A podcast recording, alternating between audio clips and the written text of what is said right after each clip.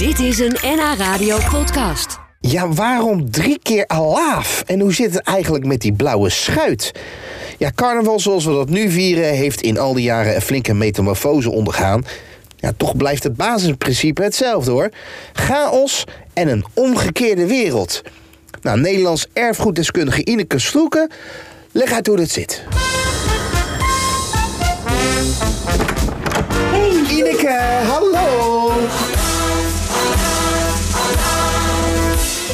Er zijn allerlei theorieën over waarom het alaaf is. Het, alaaf is ook maar zo 200, dikke 200 jaar oud. Ja, het klinkt gewoon lekker. Is dat het? Ik denk dat het dat is. Er zijn wel mensen die daar nog hele theorieën over hebben, maar volgens mij is het dat. Is een van de oudste tradities in Nederland, en trouwens in heel Europa.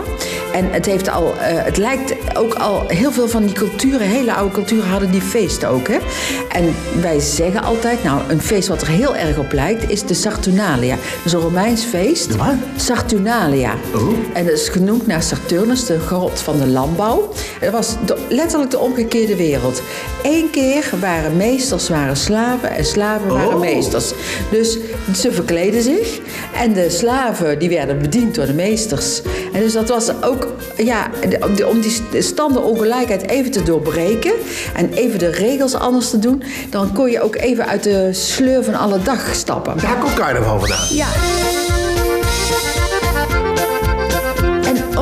Eh, mensen die een scheve schaats hadden gereden, werden letterlijk op een blauwe schuit gezet. Scheef schaats is dat, dat kan vreemd gaan zijn. Vreemd gaan zijn, of je vrouw slaan, Ja. of eh, een dronken non. Of, Maar dat mag allemaal tegenwoordig niet meer? Ja, dat mag, eh, mocht toen niet meer. Nou, ja, nou ook niet hoor, natuurlijk. Maar iemand die, ja, of, of gelogen heeft. Of, er was dus een kar in de vorm van een schuit, hadden ze dan gemaakt.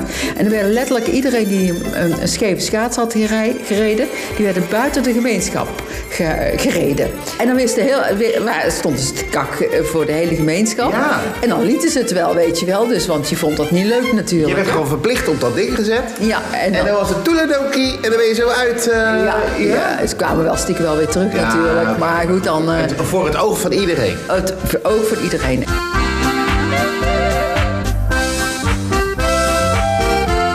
Je naar Basel gaat, ja, dat is geweldig. Ik bedoel, de optocht heeft geen begin of eindpunt. Eh, het publiek staat niet aan de kant. Nee, alles loopt door elkaar. Ja, chaos is een belangrijk eh, punt bij carnaval. Hè? Bij carnaval, ja. Het is even dat je geen regels hebt, hè? Frikadellen, kroketten, eh, frietjes, eh, alles erop en eraan. Zo vet mogelijk. Zo vet, maar ja, je moet wel een bodem in de maag hebben, hè? want je drinkt best wel veel. Ja. Maar je moet gewoon een bodem in de maag hebben. Dat zijn oliebollen of ja, Sorry? oliebollen. natuurlijk. Oliebollen? Ja, Van die je nog over hebt van december? Nee, maar Oh. kijk, je moet ook bedenken, eh, carnaval is op het laatst van de winter. Er was bijna niks meer goed, hè? Kijk, en oliebollen, dat is meel, dat blijft goed. Dat wordt in vet, reuzel Maar er gebakken. werden tijdens carnaval vroeger oliebollen gegeten. Ja, er werden oliebollen gegeten, maar ook pannenkoeken bijvoorbeeld. Hè?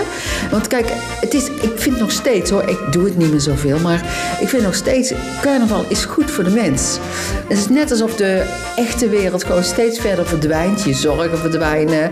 eh, nou, Jij zegt eigenlijk gewoon, eigenlijk moet iedereen carnaval. ja, van carnaval, eh, ja, ik zal wel weer commentaar krijgen, denk ik. Maar van carnaval rust je meer uit als van zes weken vakantie. Dit is wel een statement. Ja, dat is wel een Dit- dit- statement, maar het is tele- dit is een kopje telegraaf, hè? Dit, Ja. dit is een kop telegraaf voor je. Ja. Dit, dit. Ja. Hè? Maar iedereen die echt goed carnaval viert, zal het maar helemaal met me eens zijn.